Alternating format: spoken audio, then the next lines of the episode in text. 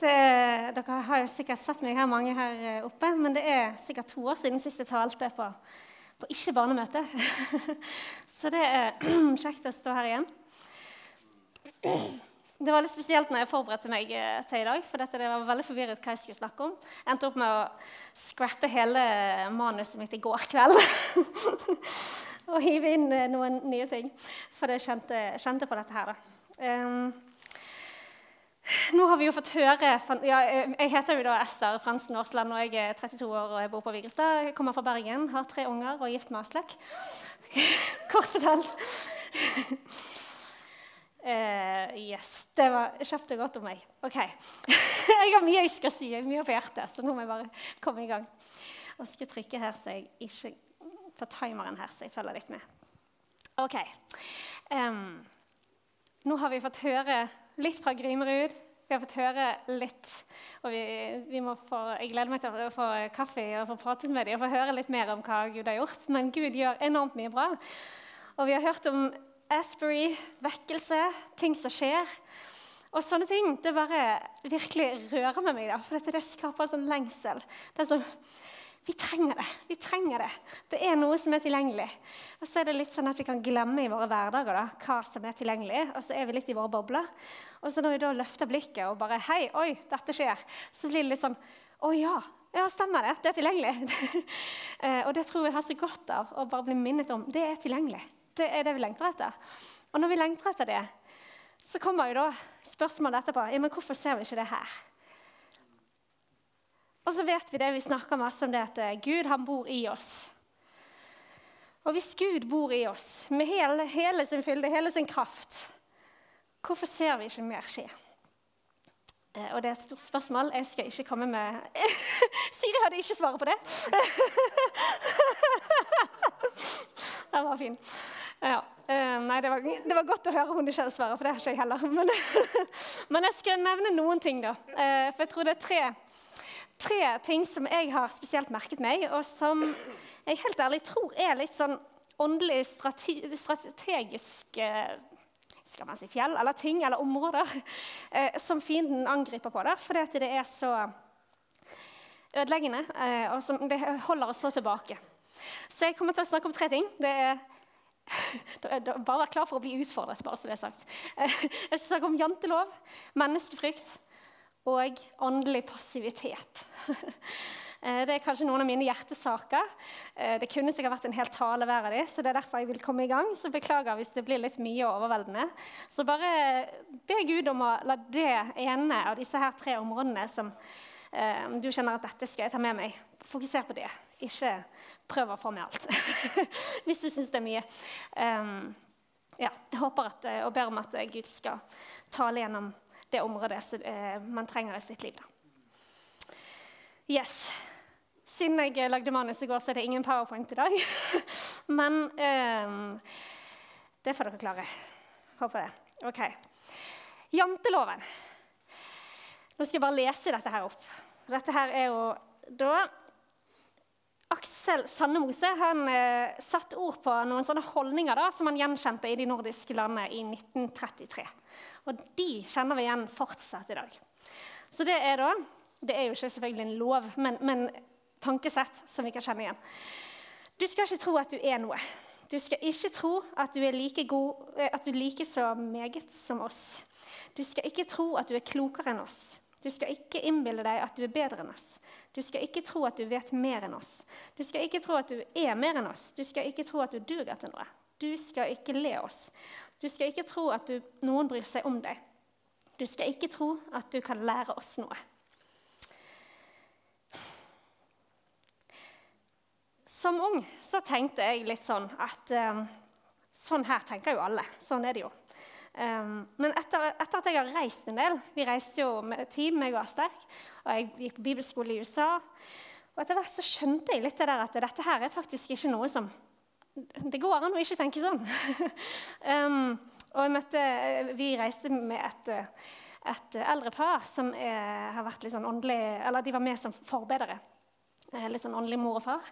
Og de fortalte oss det at når de dro hjem til England, så de kom fra, så kunne de merke Eller når de eh, kom tilbake igjen til Norge, når de hadde vært hjemme besøk, på besøk hjemme i England, der de kom fra, så kom de tilbake igjen til Norge, så kunne de merke at de begynte å tenke de tankene igjen når de kom inn i landet. Og Det er veldig interessant, da, for eh, vi har veldig lett for å tenke at ja, det er jo bare sånn vi tenker. Over. Men, men at dette her, jeg tror det er noe åndelig i dette her, og jeg tror det er en strategi. Jeg tror det er noe som vi trenger å være bevisst på, for jeg tror det er noe som virkelig holder oss tilbake. Så etter at jeg har reist en del, da, så har det blitt en litt sånn der eh, hjertesak. De sier at eh, du finner hjertet ditt hvis du ser på hva gjør deg glad, og hva gjør deg sint. Og tale i kveld det er de tre tingene som gjør meg sint. så, da, så, det er jantelov. Alle som har vært huskirke, i huskirke med meg, det er, det er, ganske mange her inne, vet det, at jeg blir sint av jantelov. Det er bare sånn, det kommer ut. Det, det der er bare jantelov!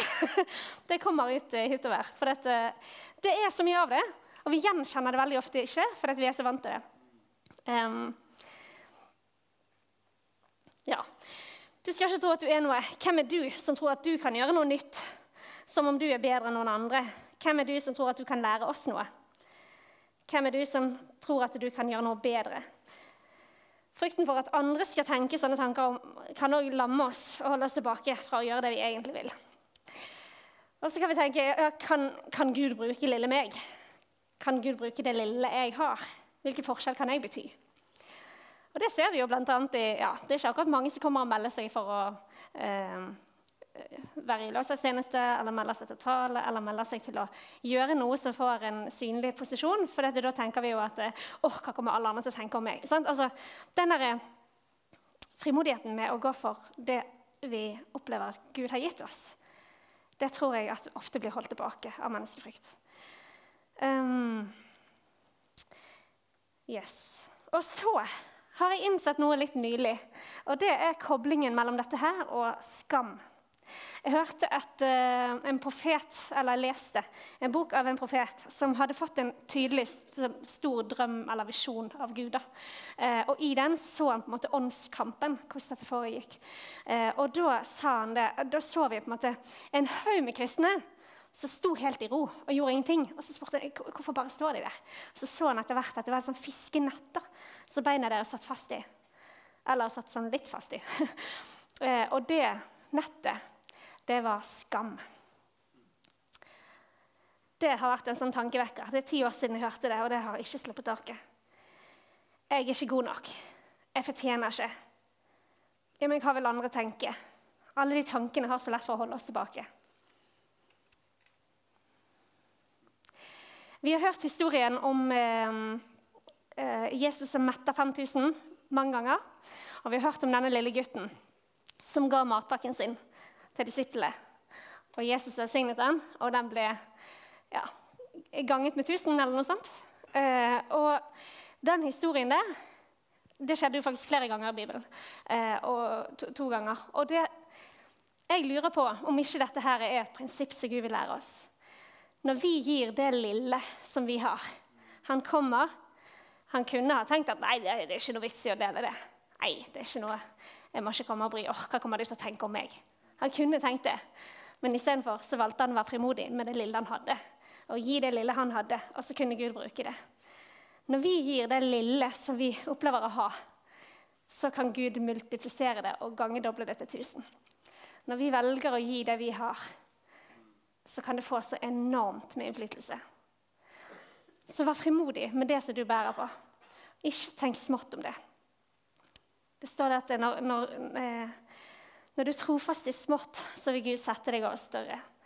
Og Det har vært et sånt prinsipp som jeg har hatt med meg. For når, når jeg kjenner på at eh, Gud leder meg til noe, så tenker jeg at ok, jeg vil være trofast. Gud ser at jeg er trofast. Uansett om det går galt eller ikke, så har jeg i hvert fall vært tro mot det jeg kjente på. Trodde jeg kjente, i hvert fall. og om det er gale, OK, so what? Men jeg har i hvert fall vært tro på det jeg kjente på. Eh, og når du velger å være tro i det små, så vil du etter hvert få, få oppleve å få, være tro, eller få bli gitt mer og mer ansvar og mer og mer eh, mulighet til å velsigne flere og flere. Det prinsippet der tror jeg vi trenger. Så om ikke, eh, Ofte så blir det liksom falsk ydmykhet. da. Vi bli stående og si at nei, nei, Gud kan ikke bruke meg, å, jeg er jo så liten. Og så høres det ut som ydmykhet. Men egentlig da, så blir det jo Altså, hvem er vi til å si at Gud ikke kan bruke oss? Er, Gud, er ikke Gud i stand til å bruke oss? Er det det vi sier? Det er jo egentlig det vi sier. Da setter vi oss over Guds ord, som sier at han kan bruke oss. Gud brukte disipler, tollere, syndere. Han brukte alle mulige typer folk. Han er ikke avhengig av hvem vi er. I vår svakhet så er han sterk. Han er ute etter et villig hjerte. Er vi villige til å gi våre fisker fem brød?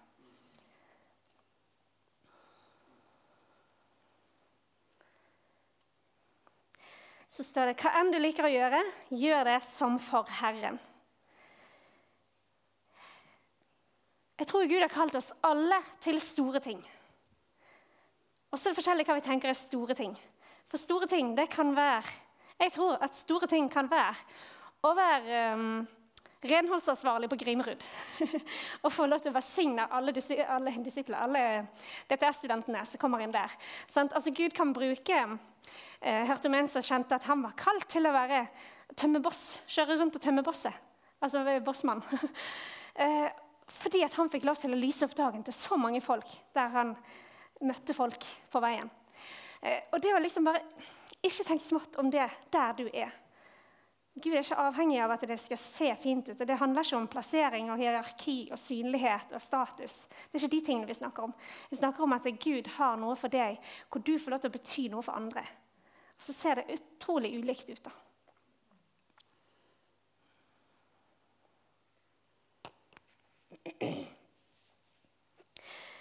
Så da går vi over til eh, det motsatte. Vi har jo hatt besøk av eh, Jan T. mange ganger, holdt jeg på å si. så vi er vant til å høre om Jan T-loven. Eh, han pleier jo ikke å sitere den, men dette er i hvert fall det de kaller for anti-janteloven. Om det er Jan T-loven, det kan diskuteres, men i hvert fall noe i den lur. Du er enestående. Du er mer verdt enn det noen kan måle. Du kan noe som er spesielt for deg. Du har noe å gi andre. Du har gjort noe som du kan være stolt av. Du har store, ubrukte ressurser. Du duger til noe. Du kan godta andre. Du har evne til å forstå og lære av andre. Og det er noen som er glad i deg.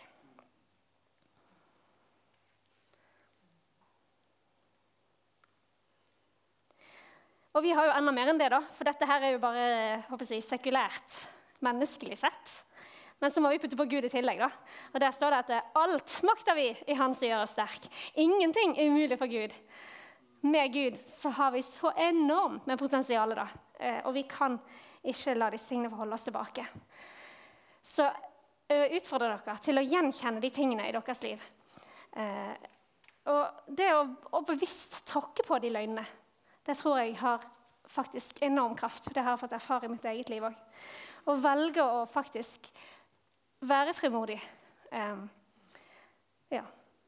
La din stemme bli hørt når du kjenner at det Hvis du har noe å komme med, hvis du brenner for noe, ok, men så, så gå videre med det. Ikke da tanken om at hva kommer andre til å tenke, eller nei, men det er sikkert noen som kan det bedre enn meg. Alle disse tankene, Ikke la det stoppe. Hvis de tankene lar oss stoppe, så må vi tenke oss om. Vil vi la det definere våre liv? Eller vil vi velge å tråkke på det og si at nei, jeg vil heller følge Jesus enn janteloven?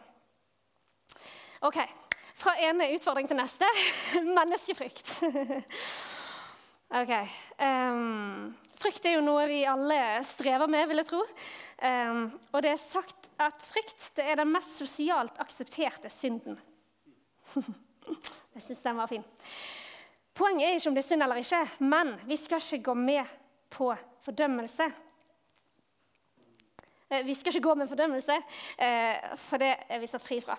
Men det forteller oss at dette er noe som vi ofte ikke ser alvor i, eh, og som vi ofte pynter litt på i kristne sammenhenger.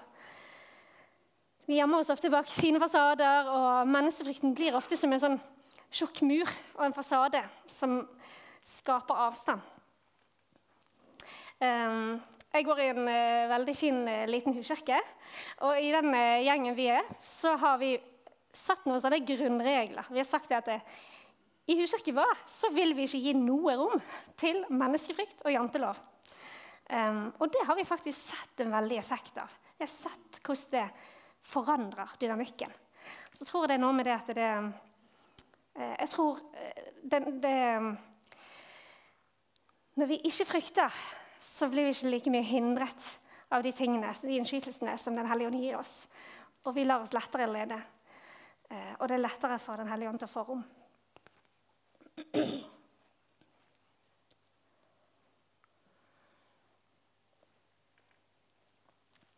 Jeg tror frykten hindrer enormt mye av det Gud vil gjøre her på jorden. Eh, og det er jo fordi han jobber gjennom vår vilje, vår frie vilje. Men hvis vi tør å gå utenfor komfortsonen og trosse den frykten som holder oss tilbake, så tror jeg vi kommer til å oppleve enormt store ting eh, skje. Jeg driver jo med dans, som en del av dere vet. Eh, og jeg har danset mye i lovsangen i ulike settinger. Og Mange ganger så har Gud utfordret meg på å danse hvor jeg, hvor jeg absolutt ikke føler for det. Og tro meg, det er sykt mange ganger at jeg har tenkt i tankene åh, oh, Hva kommer folk til å tenke nå? oh, Nå tror, du, tror, de bare at du står der og prøver å vise deg frem. Eller åh, oh, tror du du er god nok til å stå der og Alle de der tankene. Jeg har vært gjennom det tusen ganger. Men de tankene har faktisk mer og mer begynt å slippe taket. De har ikke så mye effekt lenger. For jeg har valgt å ta de små stegene utenfor komfortsonen. De trenger liksom ta de musestegene. da. Og jo lenger man tar de stegene, jo mer kan man gå i den friheten. Eh, for friheten har vi fått. Til frihet har Kristus frigjort oss. Men vi må likevel velge å gå den ut. Nå er jo, jeg regner ikke med at alle her kommer til å danse i lovsangen, men det å danse i lovsangen blir for meg sånn, en god øvelse da, på å velge å si at nei, jeg lar ikke disse løgnene definere hva jeg gjør. Jeg velger, ikke, jeg velger å ikke høre på løgnene. Jeg velger å tilbe deg istedenfor. Tilbedelsen før løgnene og frykten. Jeg vil, eh, jeg vil ikke la min tilbedelse bli hindret og definert av frykt, menneskefrykt. Og det tror jeg er et offer, det man kaller for sacrifice of praise. Et offer etter bedelse. Det er den høyeste formen for tilbedelse. Når vi ofrer noe. Så det er ofte noe som skjer i det øyeblikket man velger å trå utenfor komfortsonen og gjøre noe som koster en litt. Eh, det ser vi jo i Gamletestamentet. De ofret og ofret. Og det handlet jo om at de ga noe. De ga et offer til Gud. Eh, og det, det trenger ikke se ut som dans, men det kan se ut som Um, kanskje Det kan være at du kjenner at oh, jeg har lyst til å knele, men jeg tør ikke helt. Hva kommer folk til å tenke? Og velge å gjøre det likevel. Ikke la vår tilbedelse bli definert av frykt. Um, men det kan òg være at du fikk en tanke om at du skulle lagt hånden på eller bedt for noen. Eller kanskje du lurer på om noen hadde det litt vanskelig. Ja, så spør da. Vær frimodig på å bruke de tingene, de innskytelsene vi får. Og ikke la oss stoppe av frykten. Det tror jeg er så enormt viktig, og jeg tror det er så mye muligheter hvis vi begynner å virkelig gå i det.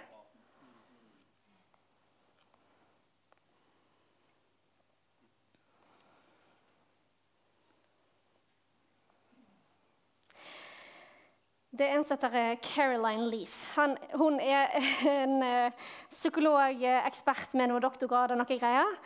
Og hun sier det at hjernen den er som noen sånne trær. Det er masse trær inni hjernen. Uh, og disse trærne de er sånn at når du velger å tenke på noe eller det er litt sånn at Når du velger å tenke på noe, så plantes det et tre av proteiner i hjernen. Og jo mer du tenker på det og repeterer det, jo mer vil det treet vokse. på en måte. Og Bibelen sier jo det at sannheten setter fri. Og faktisk så forteller da Liv gjennom hjernevitenskapen akkurat det samme. For når vi innser at noe er løgn, så kan vi faktisk se at disse her greinene i hjernen smuldrer opp og blir mye svakere. Og når vi bevisst da velger å tenke sannhet istedenfor, så kommer det nye, sunne trær som gjør oss godt. Og, som, og, ja, og dermed så blir hjernen forandret. Helt som fysisk. Eh, og jo mer vi innser løgnene, altså da, mer, jo mer vi innser løgnene og velger å aktivt ta til oss Guds sannheter, jo mer vil vi faktisk bli fri fra, fra angst, fra frykt, fra sinne, depresjon, stress. disse tingene. Og så er ikke dette sånn lett, lettvint løsning og quick fix. Jeg sier ikke dette her, hvis du bare fikser dette. Men, men jeg tror det er nøkkel i det. da. Eh, og det er nøkkel i det, for det sier Bibelen. Det står 'sannheten setter fri'. Eh, og den friheten den tror jeg vi har mye, og, mye potensial til å gå i. OK, da kommer jeg til mitt siste Oi! Jeg har bare brukt 11 minutter. Nei, jeg har 11 minutter igjen. OK. OK. Jeg skal Men det ligger godt an. Jeg har en tredjedel igjen, og jeg har en tredjedel av tiden igjen. så det er bra. Ok. Det siste Nå skal jeg virkelig utfordre her. Det er åndelig passivitet, er ordet jeg har valgt å bruke. På engelsk har det et ord som heter uh, uh, Aslak, hjelp meg. Ja. Det er ikke så nøye. Um, et ord som jeg egentlig har brukt mye mer, og så prøvde jeg å oversette det. Å, oh, nå står det helt stille. Complacency er ordet på engelsk. Og det kan uh, oversettes ca. med det å være tilfreds, å være seg sjøl nok. Selvtilfredshet. Og det er det jeg har lyst til å snakke litt om. Og ordet komfort, da. Komfort det er jo noe som uh, selger, det er noe som vi trekkes mot, uh, og noe samfunnet vårt er egentlig bygget opp rundt. Det er jo bare til å se i våre egne hjem. Vi har jo stort sett en god stol og noe godt og behagelig i hvert eneste, hvert eneste rom. Eh, og en lett, mest lettvinte løsning. Vi har eh, ja, mulighet til å gjøre ting mest mulig sømløst og minst mulig anstrengelser. anstrengelser ja. Um, og i eh, livet ellers så går vi til ferier, underholdning. Ja, vi strever etter å ha penger nok til at, å, til, til at det er behagelig sant? å leve i komfort. Det er på en måte det samfunnet vårt legger opp til, og det er veldig fort at vi òg lever i det. Vi liker komfort, og vi har det godt på alle vis. Kanskje har vi det litt for godt. Og Jo mer vi har, jo mer vil vi ha. Og Jo mer må vi vedlikeholde, og jo mer må vi pleie, og jo mer opptatt blir vi. Så står det da i Matteus 5, 3 og 6, de to vil jeg ta ut her. Salige er de som er fattige i ånden, for himmelriket er deres. Jeg har alltid lurt litt på det der. fattige i ånden, hva betyr det? Så jeg sjekket opp det. da. Og det handler faktisk om Det, det er det ordet som brukes som tiggere. Salige er de som er som tiggere. Det handler om at vi skal få være sånn foran Gud. Gud, vi trenger deg. Vi trenger deg, Gud. Vi lengter etter deg. Vi trenger så mye mer av deg. Og hvis vi ikke er der, så tror jeg det handler om at vi ikke har sett nok. For jo mer vi ser, jo mer vil vi ha. For jo mer vi ser, jo mer skjønner vi hvor lite vi har, vi har fått av det som er tilgjengelig. Og jeg eh, kom jo fra, når jeg flyttet hit til Vigrestad for no, snart ti år siden, faktisk, så kom jo vi fra turné, og vi hadde levd liksom i denne boblen, litt sånn som uh, DTS-studenten her. og sånn, Du kommer hjem on fire, har sett masse som skjer. Og sett mye hva Gud har gjort. Vært på møter hvor alle ble helbredet. Eh, opplevd Gud møte oss på ulike måter. Kjempesterkt. Og så kommer vi hit, og så er det litt sånn Så merker jeg etter hvert, da, når jeg ser tilbake, så ser jeg det at jeg har glemt litt det jeg tok med meg da. Da jeg kom hit, og så kjente jeg litt på den at ok, her er det noe, jeg tenker litt annerledes enn noen her. Og så tenkte jeg ja, det handler om at jeg har en bevissthet om hva som er tilgjengelig. Og så ser jeg på meg sjøl tilbake inn i tid og så tenker jeg jeg har glemt litt hva som er tilgjengelig. Så jeg tror vi trenger veldig å høre disse historiene til Sara Mats Even. Høre hva Gud gjør høre om Asbury, høre hva som er tilgjengelig. For Hvis ikke så mister vi perspektivet. Det andre verset, salig, den andre saleprisningen jeg vil trekke frem, det er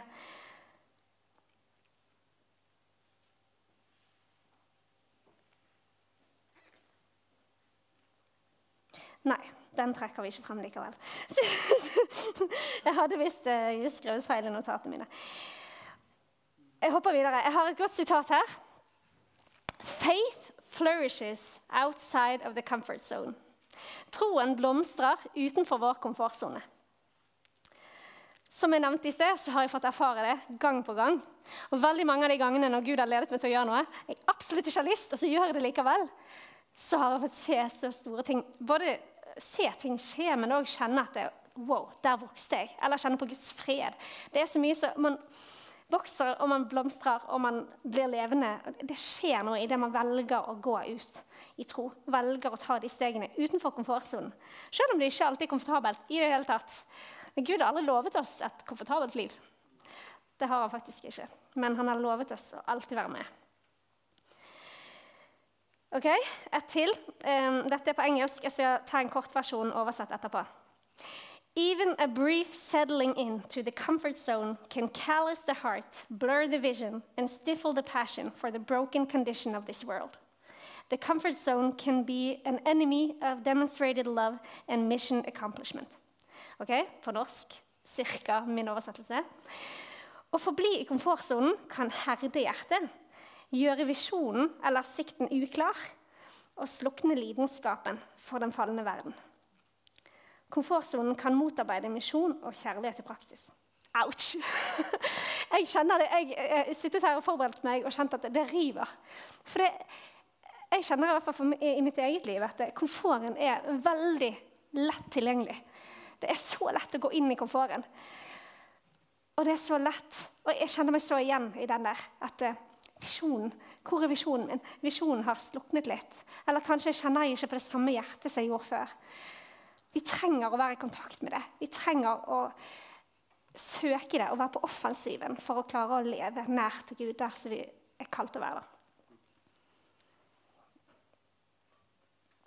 Og så er det til slutt, til slutt Å leve innenfor vår komfortsone kan til syvende og sist lede oss inn i the slumber of selfishness. Selvsentrert dvale har jeg oversatt det som. Huff a meg. jeg vet Det, det var ikke så veldig oppmuntrende, dette her. Men, men, tror det er så viktig at vi er bevisst på det. For det er så lett at vi blir lurt inn i dette. her. Og så er jo hele verden rundt sånn. Det er jo sånn samfunnet vårt er lagt opp. Det er jo det som er normalen. Så vi lever ikke noe annerledes enn alle andre. Selvfølgelig er det fint og greit. Ja, og det handler ikke om hva som er jeg snakker ikke om hva som er synd og ikke synd. Jeg snakker om hva som er tilgjengelig. Gud har så mye tilgjengelig for oss. Gud har kalt hver og enkelt her inne til store ting. Gud har lagt ned unike gaver og utrustninger til et kall som er mye større enn det vi aner. Hans tanker er høyere enn våre tanker. Hans veier er høyere enn våre veier. Og vi kan få gå på de, men da trenger vi av og til å faktisk legge ned vårt kors Nei, ta opp vårt kors, heter det.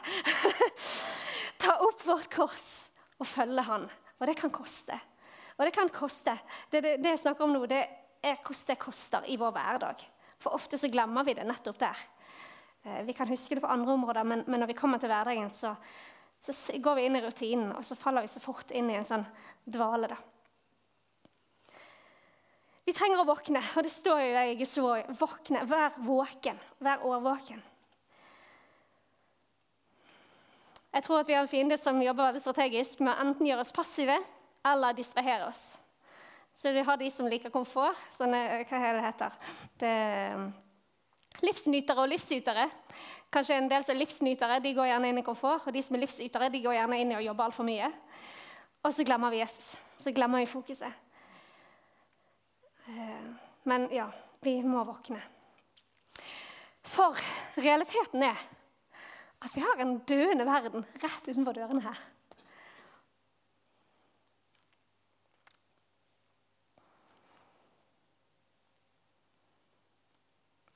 Hvis vi hadde vært på en tur med en gruppe, og vi hadde visst at, hvis vi hadde sett at der fremme er det en svær felle som vi alle er i ferd med å gå i, hadde vi sagt ifra?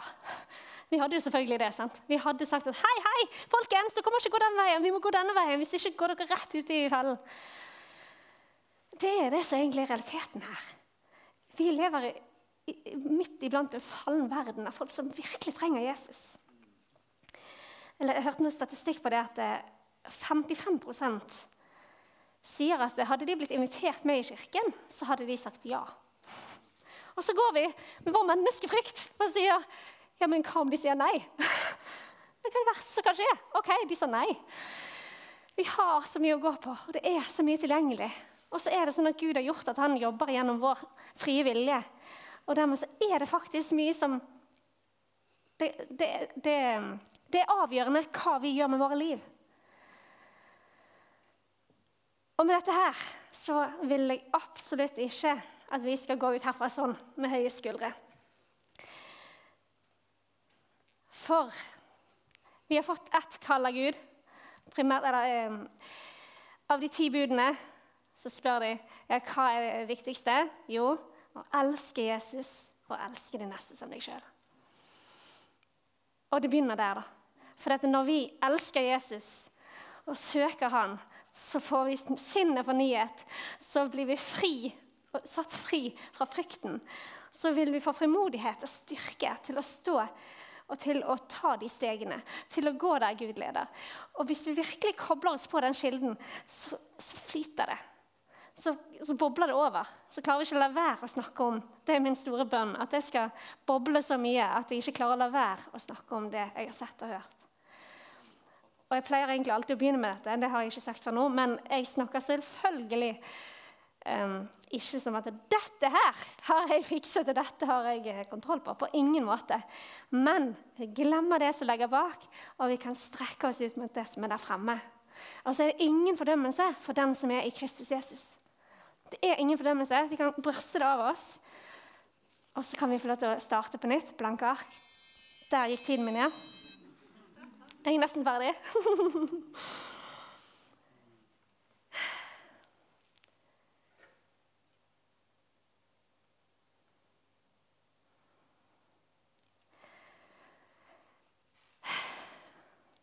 Så spørsmålet mitt er hva holder deg tilbake? Kjenner du deg igjen i at eh, janteloven gjør at du holder deg sjøl nedtrykt? At du, ikke, at du, holder munn når du egentlig skulle ha sagt noe?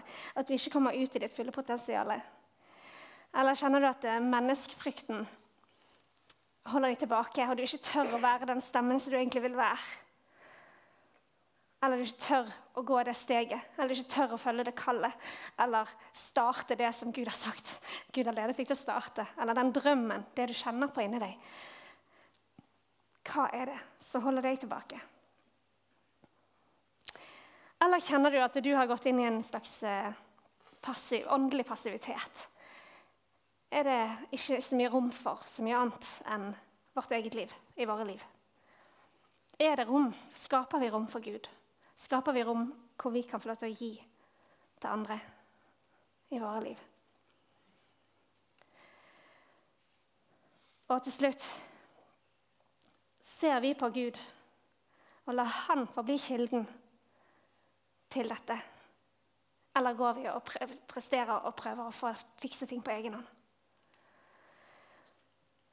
Jeg har lyst til å ta en litt sånn kollektiv eh, Låsestimen kan få komme opp. Jeg har lyst til å ta en liten sånn kollektiv eh, responstid. For jeg tror at eh, Jeg har akkurat sagt litt om dette her med dans, men, men eh, jeg tror at det å bruke kroppen til å fysisk respondere, det er noe i det. Det er en kraft i det å faktisk si at yes. um, og, og, ta, gi en respons til Gud gjennom kroppen. Så jeg har lyst til å oppmuntre dere til å bli med og danse i lovassistenten. Nei, jeg tuller.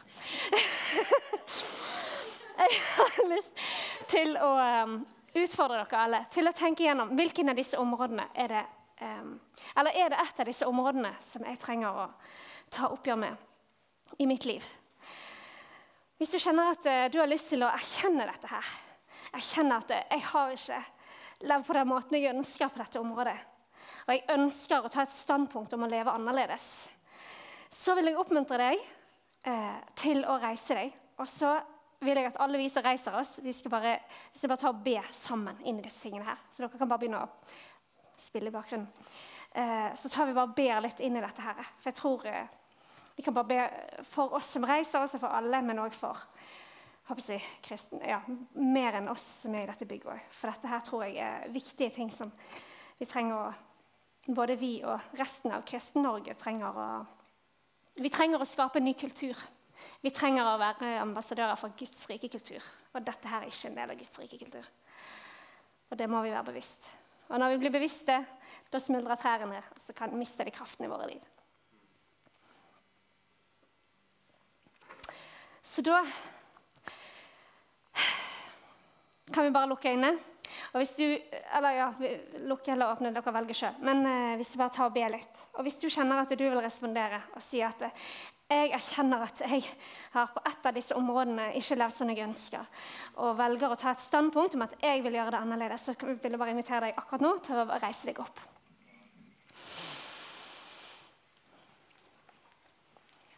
Jesus, jeg bare takker deg for at du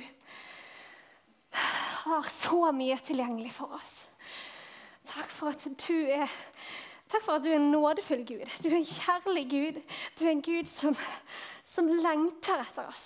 Som lengter etter å leve i nær relasjon til oss. Og som lengter etter å se at vi går ut i det som, det som du har kalt oss til. og som har, Du har fremtid og håp. Du har så mye godt for våre liv, Herre. Du har så mye større tanker for oss enn det vi har. Gud, vi erkjenner, vi erkjenner vår tilkortkommenhet. Vi erkjenner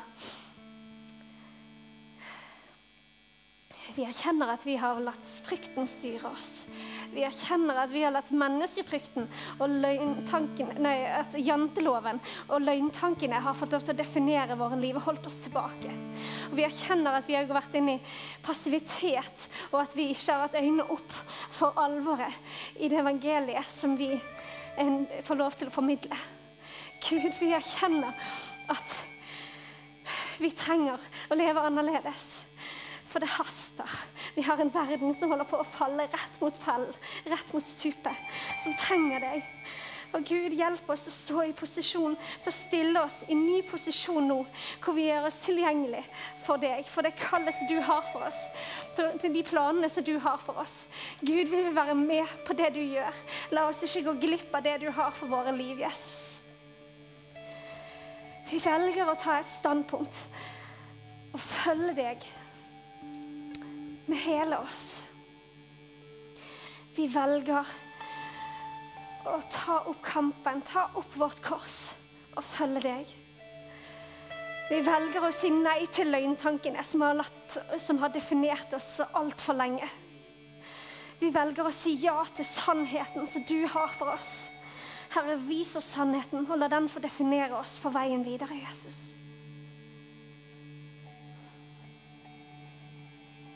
Takk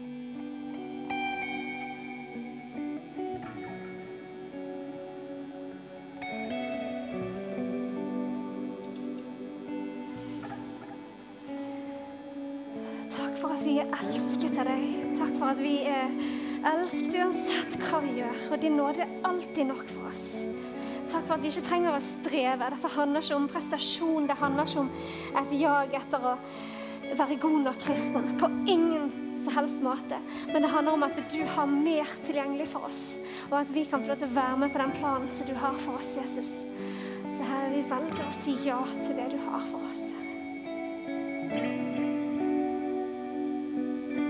Hvis noen kjenner at dere har lyst til å eh, erkjenne Det kan være noe med det å sette ord på ting. Så vil jeg oppmuntre til å gå til forbønn eh, der bak og bruke de. Om dere vil, gå gjerne og snakk med hverandre. Eller til ektefellen hjemme når dere kommer hjem. Men bruk gjerne dette, dette her som en mulighet til å erkjenne og gi, la det miste sin kraft i våre liv, sånn at vi kan røske det av oss og gå videre.